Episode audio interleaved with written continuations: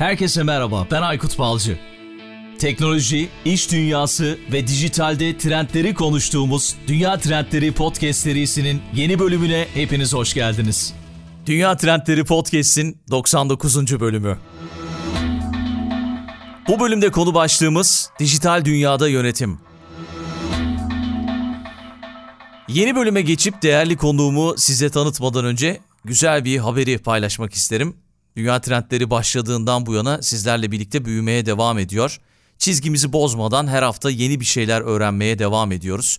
Günden güne artan dinleyici sayılarını görmek ve sosyal medyada olumlu yorumlarınızı okumak beni çok daha fazla motive ediyor açıkçası. Bir yandan da tabii bu yükselişte olan podcast mecrasında bir gelir modeli yaratmak adına yoğun çaba sarf ediyoruz. Sona da yaklaştık diye tahmin ediyorum ki zaten herkesten Patreon desteği beklemekle de olmuyor. Ki zaten oradan gelen az da olsa katkı teknik olarak yaptığımız aboneliklere ve içerik mecralarına gidiyor. Bir de her hafta böyle açıkçası Patreon hesabını söylemek sizin açınızdan sıkıcı geliyor diye tahmin ediyorum. Ama bunu hatırlatmak zorundayız çünkü bizi destekleyen destekçilerimize teşekkür etmekte zorundayız. Şu anda daha çok manevi destekler bizi daha fazla motive ediyor diyebilirim. Onlardan biri de bu hafta geldi. Bu hafta güzel bir haber aldık. Bu yıl ilk defa gerçekleştirilen Türkiye'nin en güçlü podcastleri ödül töreninde en güçlü iş dünyası ve girişimcilik podcast'i kategorisinde aday gösterildik. Çok çok önemli, çok değerli podcastler var orada birbirleriyle yarışacaklar demek istemiyorum ama birbirlerine konuk olacaklar. Bir challenge diyelim bunun için. Power App tabii ki Power FM'e ve Podfresh'e bu güzel ödül törenini düzenledikleri için gerçekten çok çok teşekkür ediyorum. Şimdi siz ne yapacaksınız? Sizin yapmanız gereken podcast'in açıklama kısmına bırakacağım linkten podcast'iniz dünya trendlerine destek olmak ve oy kullanmak. Belki bu yılı bir ödülle kapatırız ve yeni yıla daha güçlü gireriz diye düşünüyorum. Şimdiden vereceğiniz oylar için çok çok teşekkürler. Bir teşekkür de Patreon destekçilerimize tabii ki. Ayşe Nur Kaya Yalçın, Recep Topçu, Onur Atakan, Serdar Sungur, Nilay Atalay ve Kübra Karaman'a da teşekkürler. Bu bölümde konuğum Almanya'da Adex Partners'ta dijital strateji ve yönetim danışmanı olarak çalışan Mikail Kibar. Mikail genç yaşına rağmen özellikle kurumların dijitalleşme süreçlerinde çok önemli işlere imza atıp birçok şirkette deneyim kazanmış bir iş profesyoneli. Kuzey Almanya'da Albert Ludwig Üniversitesi'nde işletme eğitimi görmüş. Sonra Amerika Birleşik Devletleri'ne giderek Kuzey Dakota Eyalet Üniversitesi'nde yine işletme üzerine eğitim almış ve sonra da Stuttgart taraflarında Stanbase Üniversitesi'nde Yönetim ve İnovasyon Okulu'nda 2 yıl eğitim görmüş. Kariyerinin ilk yıllarından itibaren dijitalleşme odağında oluyor ve 5 yıl Ernst Young danışmanlık şirketinde önemli projelere imza atıyor ve daha çok değişim üzerine yoğunlaşıyor ve dijital dönüşümün kalbinde olmanın kendisi için önemli olduğunu da söylüyor ki bu soruyla çok fazla karşılaşıyormuş. O yüzden bölüm öncesinde yaptığımız konuşmada bunu ona özellikle sormuştum ki iyi ki de sormuşum. Ve şu anda da danışanlarına Adex Partners'ta dijital stratejiyle nasıl bir yol çizmeleri gerektiği konusunda, hangi konulara dikkat etmeleri gerektiği konusunda danışmanlık veriyor. Güzel bir bölüm oldu. Ben yine bu bölümde çok şey öğrendim. Umarım sizler de yine bu bölümde çok şey öğrenir ve yararlanırsınız. İşte yeni bölüme, 99. bölüme hazırsanız başlıyoruz. Mikail hoş geldin. Selamlar. Selamlar, hoş bulduk. Teşekkür ederim. Nasılsın? Teşekkür ederim Aykut abi. Sen nasılsın, iyisin? Ben de çok iyiyim. Çok çok sağ ol. Teşekkür ediyorum. Yoğun temponda vakit ayırdığın için. Rica ederim. Beni konuk ettiğin için çok teşekkür ederim ben de. Heyecanla bekliyorduk zaten bu çalışmayı. Umarım güzel geçecek. Zaman zaman ben podcast'in içerisinde Almanya'yı çok eleştirdim böyle dijital dönüşüm konusunda. Herkes de bana hayret ediyor, şaşırıyor. Yani nasıl olur işte dijital dönüşüm ve teknoloji konusunda bu kadar dışarıdan en azından ilerlemiş olduğunu gördüğümüz bir ülke. Bilmiyorum sen katılıyor musun buna? Yani zorlanıyor musun? Başta sorayım belki sonda soracağımı. Dijital dönüşüme adapte ederken şirketleri. Şöyle söyleyeyim yani bu hem şirketten şirkete değişiyor ve Almanya'da daha çok eleştirilen konular kamu, devlete ait olan şirketlerin dijitalleşmemesi. Özel şirketler bence yine belki dünya çapında ilk 5-10'a girmiyor ama yine de çok geride değil. Yani onu söyleyemeyiz diye düşünüyorum. Burada eleştiri sadece daha çok kamu, işte devlete ait olan şirketler, askerliğe, bankalar um, belki. Bankalar olabilir. Gerçi Wirecard vardı o da gitti şimdi ama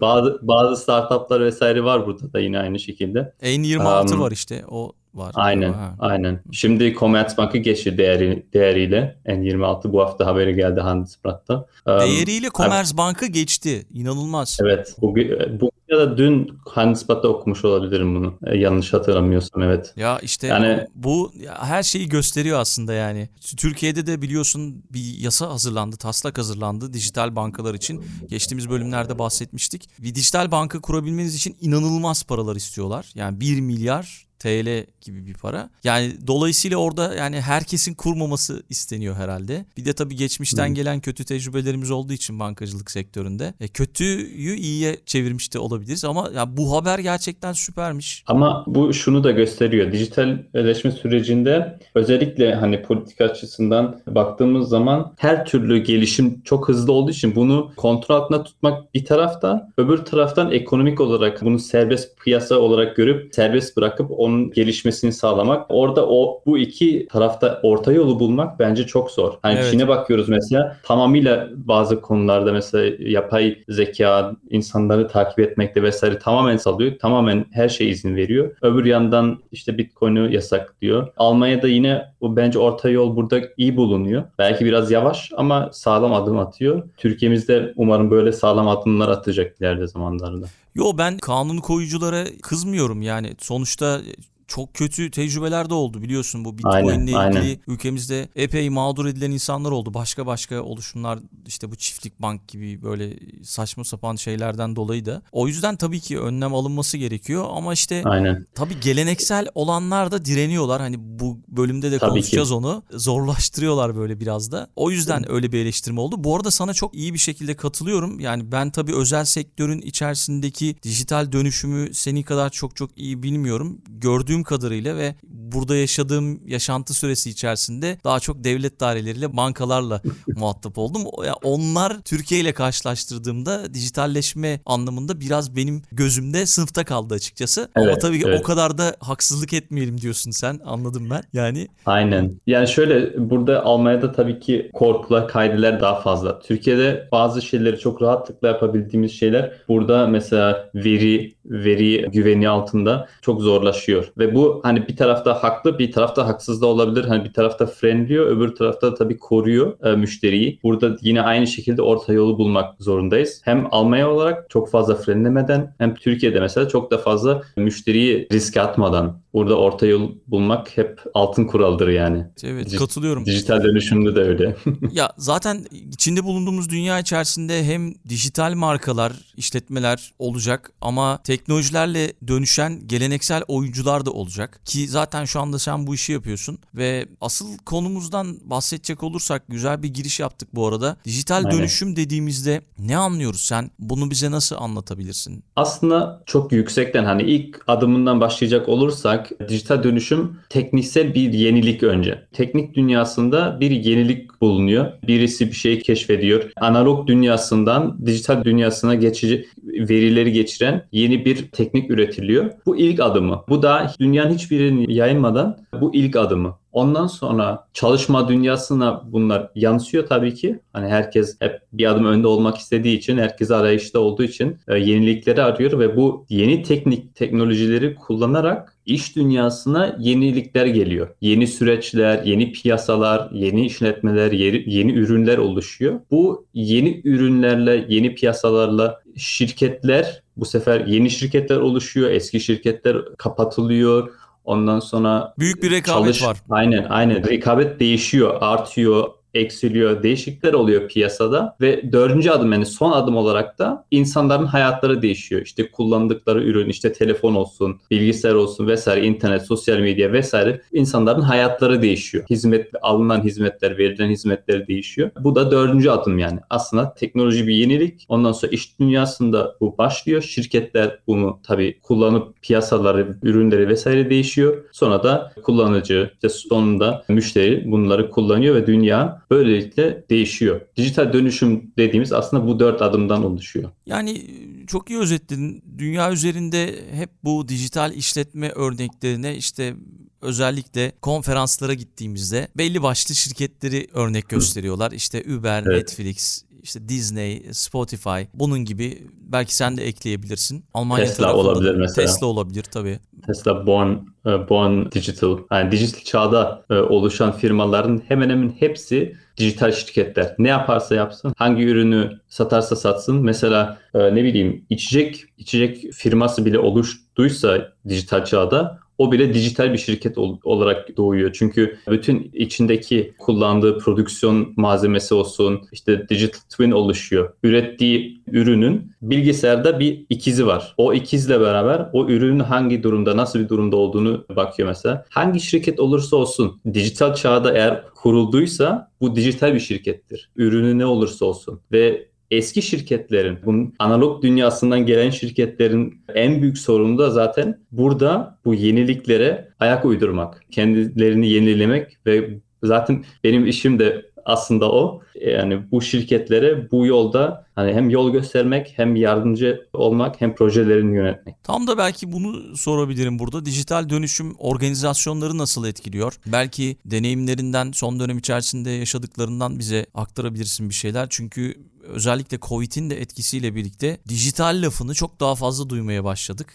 Evet, Hepimiz evet. buralardayız. İşte yani sen şu anda ikimiz de Almanya'dayız ama e, işte dijitalden yapıyoruz bu yayını Ya. ve yine dijitalden ulaştırıyoruz herkese. En ufak örneği bu. Sen neler yaşıyorsun son dönem içerisinde? Belki onlardan bahsedebilirsin. Yani aslında dijital dönüşüm hani senin sorduğun soru çok e, kapsamlı bir soru. Çünkü organizasyonlar her alanında, her e, sürecinde müşterisinden işte ürünleri getiren supply chain olsun, işte managementine, idaresine kadar her e, tarafını etkilemiştir. Yani insanlar evden çalışıyor, değişik değişik yeni konseptler oluşuyor. Yeni Ama modeller çıktı evet yani. Yeni modeller çıktı ve ama şunu söyleyebilirim. Hani şunu şöyle özetleyebiliriz. Gerçi e, Porsche'de menajerlik yapan Cihan Suyur da bunu geçen CEO dergisinde söyledi. Aslında üç parçadan oluşuyor. Birincisi strateji, ikincisi değişim, üçüncüsü de kültür. E, stratejiyle yolu çiziyoruz. Nereye gideceğimiz belirleniyor. Ondan sonra değişim dediğim gibi hani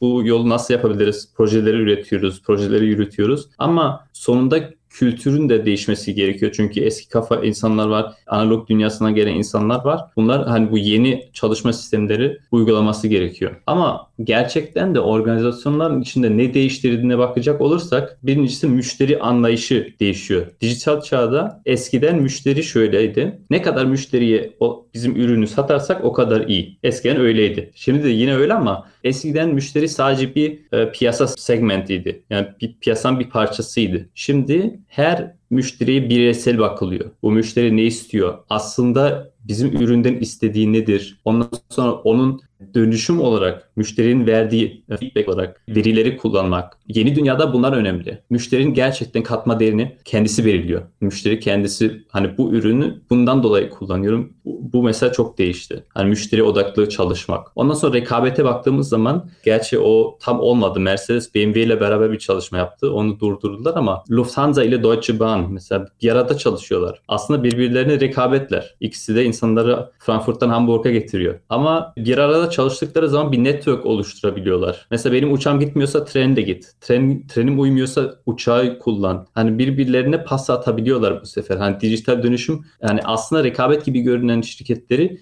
bir araya da getirebiliyor. Evet. Hani belli plat dijital platformlar üzerine mesela. Bu da hani rekabet anlayışı da değişti. Son dönem içerisinde biliyorsun ilaç şirketleri de böyle benzer ortaklıklara gittiler. Bu arada Deutsche Bahn bilmeyenler için söyleyelim. Buranın tren işletmesi değil Aynen mi? demir Öyle- yolu. Demiryolu işletmesi. Evet. Şeyde e, Lufthansa'da zaten onu biliniyordur herhalde hava yolları. Bu arada Mercedes'le BMW nasıl bir ortaklığa gitmişlerdi? Onu ben kaçırmışım mesela. Onlar galiba 2017 yanılmıyorsam bu em, arabaları kiralamak ondan sonra hani arabaların satın almadan kullanmak leasing, gibi ama o, ondan bir, belki biraz da Six'te doğru giden hani böyle arabaları kira, gerçekten kiralamak hani hemencik kullanıp yerinde bırakmak gibi Scooter'lar Ya buna- gibi yani. Scooter'lar bu- gibi falan mı? Ya buna yönelikti ya da şey de olabilir hani yapay zeka, arabada yapay zeka kullanma gibi. Tam hatırlamıyorum. Bu bu tarz bir kooperasyon yapıyorlar. Hem çalışma yapıyorlar bir arada. Ama tam verimde olmadı galiba. 2019'da yanılmıyorsam durdurdular bunu. Büyük ihtimalle birisi biraz daha fazla veri verdi. Öbürler de yine rekabet olarak görüp çalışma arada çalışmayı durdurdular ama bunu düşünmeleri, buna adım atmaları bile belki 10 sene, 20 sene önce imkansız gibi bir şeydi yani. Düşünülmezdi bile. Ama şimdi düşünebiliyorlar. Adım gerçi ad- adımı attılar yani. Ama olmadı sonunda ama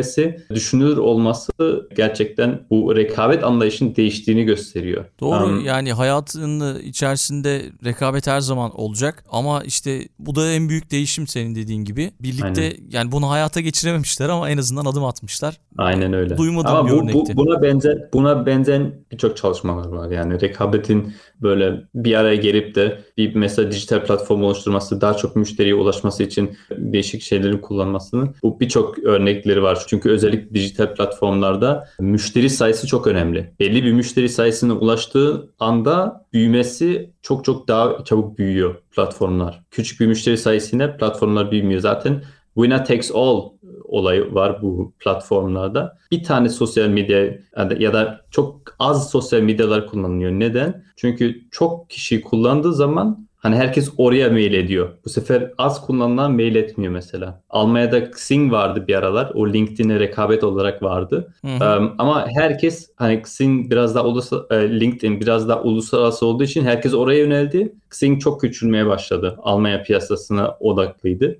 Bu da onu gösteriyor. Türkiye'deki startup ekosistemi hakkında neler düşünüyorsun? Çok konuyu dağıtmadan belki onun hakkında da birkaç bir şey söylemek istersin. Geçen Handelsblatt'ta yine okudum. Bunu çok övüyor. Yani Türkiye'yi bu konuda çok övüyor. Hani fikirleri, yenilikleri çok güzel piyasaya e, startuplarla getirebiliyor Türkiye. Orada zemin sağlam bu tür çalışmalar için. Bunu da e, burada söyleyelim yani söylemek gerekir. Evet son yıllar içerisinde çok önemli startuplar, girişimler çıktı, satışlar oldu. Aynen. Gerçi satış olması da yani başka bir ülkeye satış olması da bir başarı mı? O da, da bir tartışabiliriz yani. Çünkü hatırlayacaksın geçenlerde bir yapay zeka şirketini yanılmıyorsam bir Çinli şirket satın almak istedi. Ama şey Angela Merkel ya bir durun satmayın hani teknoloji gitmesin bayağı bir diretti yanılmıyorsam. Evet. Yani hani işte teknoloji başka bir ülkeye gitmesin diye elinden geleni yaptı ama sonra satış gerçekleşti galiba. Yapay zeka şirketiydi. Bu tarz şeyler de olabiliyor açıkçası. Tabii ki ama hani Almanya'da hani Almanya'nın Çin ile rekabeti o seviyede. Hani bilgi vesaire o tekniksel seviyede olabilir ama Türkiye'mizin dövize ihtiyacı var, investmentlere ihtiyacı var, yatırımlara ihtiyacı var. Onun için belki yine orada piyasa değişikliği var. Şimdi iktisat okuyanlar vardır. Onlar şimdi belki bunu daha iyi açıklayabilir ama Almanya ve Türkiye piyasasında burada kesinlikle farklar var diye düşünüyorum. Ama senin e, soruna bir, bir şıkkım daha vardı. Hani sormuştun ya dijital dönüşüm organizasyonları nasıl etkiliyor diye. Veriler ve inovasyonlar da değişti. Veriler şöyle eskiden veri hani üretmek için ya da almak için e, çok para harcamak, çok zaman harcamak gerekiyordu. Hani bir Google yoktu mesela bundan 20 sene önce. Hani hemen bir Google'a bakayım, verimi alayım ya da statistiklere bakayım internette vesaire. Bu tarz yaklaşımlar yoktu tabii ki eskiden. Şimdi ise tam tersi veri kirliliği var. Hani olağanüstü verilerin hani sayısının arasında bilgiyi çıkarmak şimdi de asıl sorun oldu ve buna yeni dijital dönüşümde organizasyonları burada yapay zeka kullanmaya çalışıyorlar mesela. Bu çok büyük bir avantaj olabiliyor. Hani eskiden mesela bu verileri kaydetmek sorundu ama şimdi verileri kaydetmek bedava hemen hemen. Evet. Cloud ile beraber hiçbir maliyeti yok. Şu an şirketlerin en büyük yapmaya çalıştıkları olay şirketin içindeki mevcut olan verileri organize bir hale getirip organizasyona sunmak. Çünkü on, o verileri organizasyona sunduğumuz zaman hani bu hızlı dönüşen piyasaya daha çok daha iyi etkin olabiliyor. Bunu görüyoruz yani. Onun için zaten cloud'a çok girişim var. Onun için değişik e, yapay zekalara girişim var bu verileri organize edip insanlara sunabilmek için.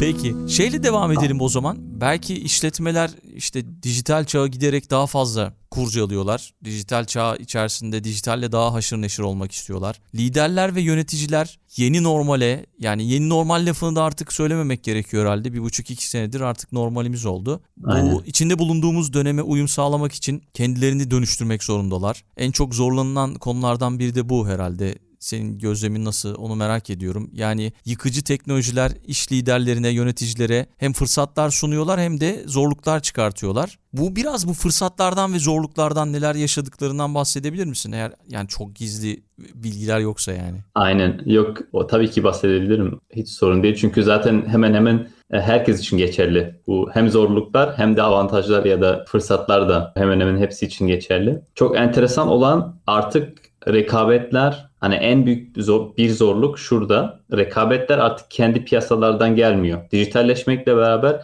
rekabetler başka piyasalardan gelmeye başladı. Hani eskiden mesela rekabete bakıldığı zaman aynı şirketler hani aynı tür şirketlere bakılırdı ya da belki de ürünleri prodüksiyon için gereken malzemeleri getiren şirketlere vesaire bakılırdı ama şimdi ise her yere bakılması gerekiyor. Çünkü Doğru. Çünkü mesela oteller en böyle ünlü ve her üniversitede kullanılan e, örneklerden bir tanesi mesela otellerin Airbnb'yi görmemesi. Mesela oteller kendi otel şirketlerinin rekabet yani başka otel şirketlerin rekabet olarak görüyordular. Ama böyle bir dijital platformun otellere bu kadar rekabet çıkarmasını hiç kimse düşünmüyordu mesela eskiden. Yoksa kendileri yapardılar diye düşünüyorum. Ve burada zaten hem zorluk ama hem de fırsat. Çünkü top line growth yani İngilizce çok güzel fark ediliyor. Hem digital strategy var yani yeni piyasalar, yeni ürünler, yeni müşteriler ya da aynı müşterilere yeni ürünler satmak gibi top line growth diyorlar. Digital strategy ve digitization Digitization de sadece daha ucuz maliyeti düşürmek, süreçleri kısaltmak vesaire bu tarz girişimler için var. Yani burada ikiye ayırıyoruz biz fırsatları ve zorlukları. Birincisi dediğim gibi strateji olarak baktığımızda yeni piyasalara gidebilir miyiz? Hani mesela verileri topluyoruz. Bu verileri mesela satabilir miyiz? Eskiden verileri kullanmıyorduk. Şimdi satabilir miyiz acaba? Ya da aldığımız verilerle yeni hizmetler sunabilir miyiz? Daha önce söylemiştim mesela Hilti Digital Twin matkap alıyorsun o aynı matkabın bilgisayarda iki, üstünde ikizi var. Matkabın mesela servise ihtiyacı var. Bu bilgisayar sana servise ihtiyacı olduğunu söylüyor matkabın mesela. Bu, bu tarz yeni hizmetler sunulabiliyor. Bununla beraber de bu sefer belki de matkabı satın almıyorsun, kiralıyorsun sadece ya da bedava alıyorsun ve o artı hizmetleri bu sefer satın alıyorsun. Aylıkta ödüyorsun. İşte abonelik fiyat sistemleri oluşuyor bu sefer. Burada kesinlikle fırsatlar var stratejik olarak. Kültür olarak da baktığımız zaman zorluklar şurada. Çok çabuk dönüşüyor her şey. Hani çok çabuk yeni ürünler, yeni piyasalar her şey çok çabuk dönüyor. Geçen bir istatistik okudum. İsviçre'de %74 hani şirketlerin %74'ü acilen değiştirmemiz gerekiyor, değişmemiz gerekiyor diye cevap vermiş o istatistikte. Yani hemen hemen 4 şirketten 3 3'ü değişmemiz gerekiyor diyor İsviçre'de mesela. Bu çok enteresan bence. Çünkü bu, bunda gelen zorluklar şunlar. Değişim her zaman karşı reaksiyon oluşturuyor. Kendi çalışanlarda, ondan sonra tabii ki e, müşterilerde, sonra malzemeleri getiren şir- başka şirketlerde vesaire. Tedarikçilerde. Aynen tedarikçilerde. O kelime eksikti bende şu an. Fark ettim. Teşekkür ederim. Onlarda sorun oluşturuyor bu. Ve bu sorunlarla bu sefer liderler baş etmeleri gerekiyor. Ve bunu nasıl yapıyorlar? Kültürel anlamda eskiden hiyerarşi vardı top down, üstten aşağı belirleniyordu her şey. Ama şimdi değişimler aşağıdan gelmesi gerekiyor. Agile'de de, de bunu yapmaya çalışıyor Agile Manifesto ile. Aşağıdan insanlardan, yani çalışanların kendilerinden onlara daha çok güç vererek değişim onlardan gelmesi sağlanıyor. Bu liderler için güç vermesi gerekiyor demek. Bu da kolay bir şey değil. Ama verdiği zaman da sonuçlar çok mu- muhteşem oldu, olabiliyor. Mesela daha önce Porsche'den bahsetmiştik. Cihan, Cihan Suyur'dan bahsetmiştik. Porsche mesela bunu çok güzel uyguluyor ve araba piyasasında Porsche'den şu an daha fazla e, araba satan yok. Yani on, onların sayıları hepsini geçti. Hani şey olarak tabii ki sayı olarak değil ama Bütçe ee, olarak. Bütçe olarak aynen aynen. Ee, Bunu orada görebiliyoruz. Hani orada kültür meselesi çok önemli. Çünkü her şey daha çabuk, her şey değiştiği için kültür bu sefer kilit nokta oluyor. Bu tabii ki çok önemli. Çok büyük bir zorluk bu. Ama aynı zamanda yapabilen şirketlere çok büyük bir fırsat. Çünkü bu sefer aşağıdan inovasyonlar da geliyor. Yenilikler de geliyor. Eskiden uzun süreçlerde yenilikler yapılıyordu. inovasyonlar getiriliyordu. İki deniliyordu. Olmadı. Parayı harcadık. Tüh gitti para. Yeni bir sürece başlanıyordu. Ama şimdi öyle değil. Kısa deneme süreçleri var. Müşteriler deniyor. MVP diyoruz buna. Minimal Viable Product. Kullanabilecek bir parçası varsa müşteri bu veriyor. Hani tam tüm ürünü değil de bir parçasını veriyor. Onu kullanıyor. Ha bu iyi kötü. Ondan sonra yenilikleri getiriyor. Hatta biz şey diyoruz. Minimal Viable Product değil de Minimal Lovable Product. O da bir yenilik. Minimal Lovable Product da sadece hani fonksiyonuyla değil de müşterinin seveceği bir fonksiyonu vermek. Bu tabii çok önemli. Müşteri odaklı olduğumuz için bu çok önemli. Değer Ama- yaratmak için en önemli şeylerden biri herhalde bu. Aynen, Şu anda bunları aynen. yapmaya çalışıyor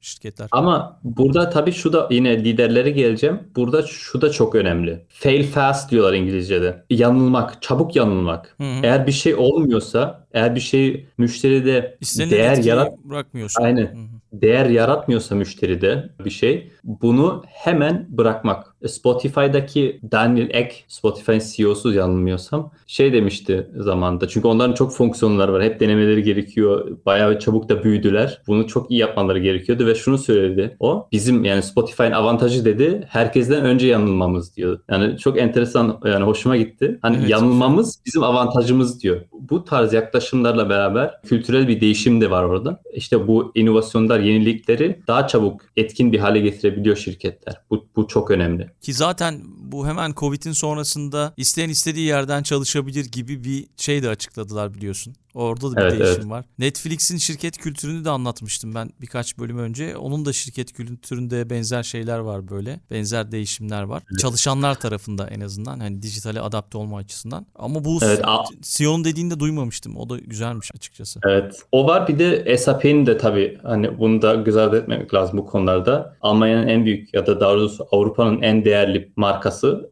SAP software şirketi. Almanya'dan çıkan Tamam. ender yazılımlardan dünya çapında biri diyebiliriz belki. Kesinlikle. Değil yani mi? Avrupa'da bir numara belki de yani dünyada da yani ilk 10'un içinde kesin yani diye düşünüyorum. Ve onlarda da Covid'in ta başında hemen ilan ettiler. Bizim bütün çalışanlarımız istedikleri yerden çalışabilirler bundan sonra. Hatta şey diyordular. isterse yazın yüzme havuzunda bile çalışır yani. Fark etmez bizim için diye böyle bir manşet atmıştılar zamanda. Ve onların personel şefi Kava Yunusi o da mesela yani bu tarz gelişmeleri çok güzel anlamış ve çok güzel uyguluyor kendi şirketinde. Aynı zamanda mesela dijital çağda yani yapılan işlerde çalışırken işleri daha kolay bölebiliyoruz. Bunları daha kolay bölebildiğimiz için yani mesela bir kişi illa bir işi kendisi yapması gerekmiyor. İletişim çok sağlam olduğu için iki kişi bir işi de yapabiliyor. Ve bu sefer %50 %50 çalışanlar için mesela çocuklu aileler için çocuklu e, hanımlar için yani bayan çalışan bayanlar için mesela çok müthiş fırsatlar sunuyor SAP'ye o bu konuda. Bu da kültürel bir açı. Yani teknoloji çağda enteresan olan kültürel açı çok önem kazandı. İnsan düşünebilir belki teknoloji önem kazanıyor ama teknoloji daha çok hani herkesin kullandığı bir şey oldu ve kültürel açıları, kültürel o, olayını anlayan ve uygulayan şirketler önde. Yani bu çok enteresan benim e, Doğru haklısın. Bu arada seninle fiziksel olarak buluştuğumuzda yine SAP'den bahsetmiştik ve SAP'nin CEO'sundan bahsetmiştin. Onu bir araştır Aykut diye. Araştırmıştım. Çok da ilginç bir hayatı var. Yaşamı var Almanya'da. Almanya'ya geliyor. Bir göçmen olarak geliyor. Ve onu da Evet. herkesin araştırması ve bir bakmasını rica ederim. Gerçekten Evet. ilginç bir yaşamı var yani. Örnek olması bir yaşamı var. Madem bugün bu bölümde dijital çağda yönetim konuşuyoruz. O da bir yönetici. Onu örnek vermiş olabiliriz yani. Kesinlikle ve bu dijital çağda tabii sosyal medya da çok önemli ve LinkedIn'de kendisi de fenomen. CEO'su değil galiba personel şefi, personel yöneticisi ve gerçekten müthiş bir hayat hikayesi var. Afganistan'dan geliyor. Bunu araştır yani herkese tavsiye edebiliriz bunu. Filmi de var. Almanca olarak ama belki İngilizce'ye de çevirmiş olabilirler. Gerçekten müthiş bir hayat hikayesi var. Bulursam onun linkini eğer hani herkese açıksa paylaşırım podcast'ın açıklama kısmından. Ben de onu izleyeceklerim arasına almıştım yanılmıyorsam seninle konuştuktan sonra. Kava Evet. Yunusi'ydi değil mi? Doğru Aynen. telaffuz ediyorum. Afganistan'dan Aynen. gelip burada müthiş işler yapmış yani. Şey yapalım Evet. onu mutlaka paylaşırız yani. Bu- Bu bölümü dinleyen herkesin de araştırmasını rica ediyorum. Gerçekten örnek alınacak biri. Peki Aynen. yavaş yavaş sona geldik. Çok da güzel gidiyor sohbet. Çok güzel şeyler Evet. anlatıyorsun. Mikael çok sağ ol. Deneyimlerini paylaşıyorsun bizimle. Belki şeyden bahsedebilirim son olarak. Dijitalleşme konusunda nasıl gelişebiliriz? Ne gibi adımlar atılıyor? Belki bunlardan bahsedebilirsin. Gözlemlerini, tespitlerini Evet. aktarabilirsin. Sürece baktığımızda önce stratejik olarak ne yapmak istediğimize bakmamız gerekiyor. Diyorum ya top line bottom line hangi piyasalara, hangi müşterileri, hangi ürünleri satmak istiyoruz? İleride aynı ürünleri mi satacağız, değişik ürünleri mi satacağız? Yani bizim kendi bünyemizde fark et, yani bireysel de olabilir, şirket bazında da olabilir.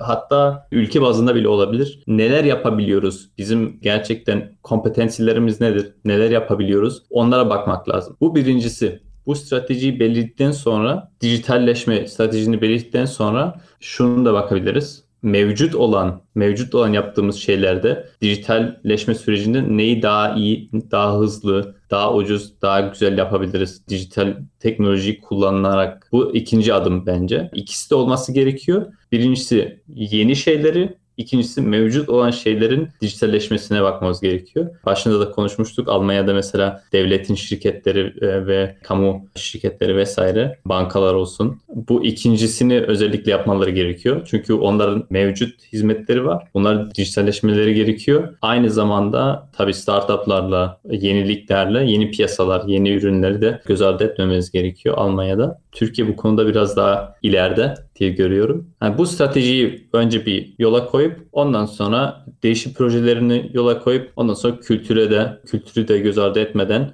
dijitalleşme sürecini başarılı bir şekilde geçirebiliriz. Her şirket için geçerli bu. Tabii aynı burada ben de e, şirketlere yardımcı oluyorum. Yardım etmeye çalışıyorum. Süpersin. Peki çok teşekkürler. Kapatmadan önce belki bir de kitap önerisi yapabilirsin. Her konuğum kitap önerisinde bulunuyor. Böyle dev bir Olur. kütüphane oluşturduk. Yine sanalda oluşturduk bunu. Oradan Çok- belki bu kitap önerini değerlendirmek isteyenler olabilir. Evet bunu da çok düşündüm. Kitapları hani sen şimdi şu an görüyorsun arkamda bir sürü kitap var. Daha önce de benim kitap şeyim daha çok büyüktü. Şimdi biraz birkaçını e, aşağı e, bodrum katına indirdik ama çok düşündüm. Competing in the Age of AI var. It's about strategy and leadership in a digitized world diyor. EY'de çalışırken bir menajerim bunu bana tavsiye etmişti. Jens Koyta diye. Buradan ona da selam göndereyim. Gerçi podcast'ın dilini anlamıyor ama olsun. Bu kısmı Ee, dinletirsin. Bak senin ismini aynen. söyledim diye.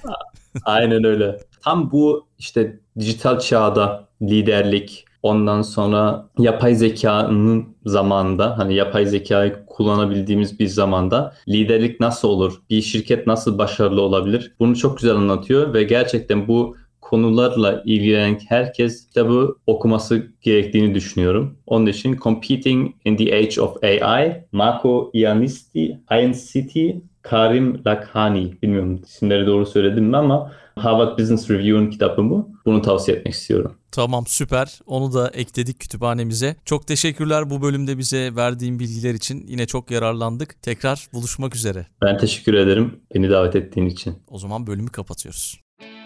Dünya Trendleri Podcast serisinin bu bölümünün sonuna geldik. www.dünyatrendleri.com Twitter'da @dünyatrendleri, Instagram'da dünya.trendleri adreslerinden Dünya Trendleri Podcast'i takip edebilirsiniz. Unutmayın önerileriniz ve merak ettikleriniz içinse info gmail.com adresinden mail atabilirsiniz. Bu bölümü dinlediğiniz için çok teşekkürler. Yeni bölümde tekrar buluşmak üzere.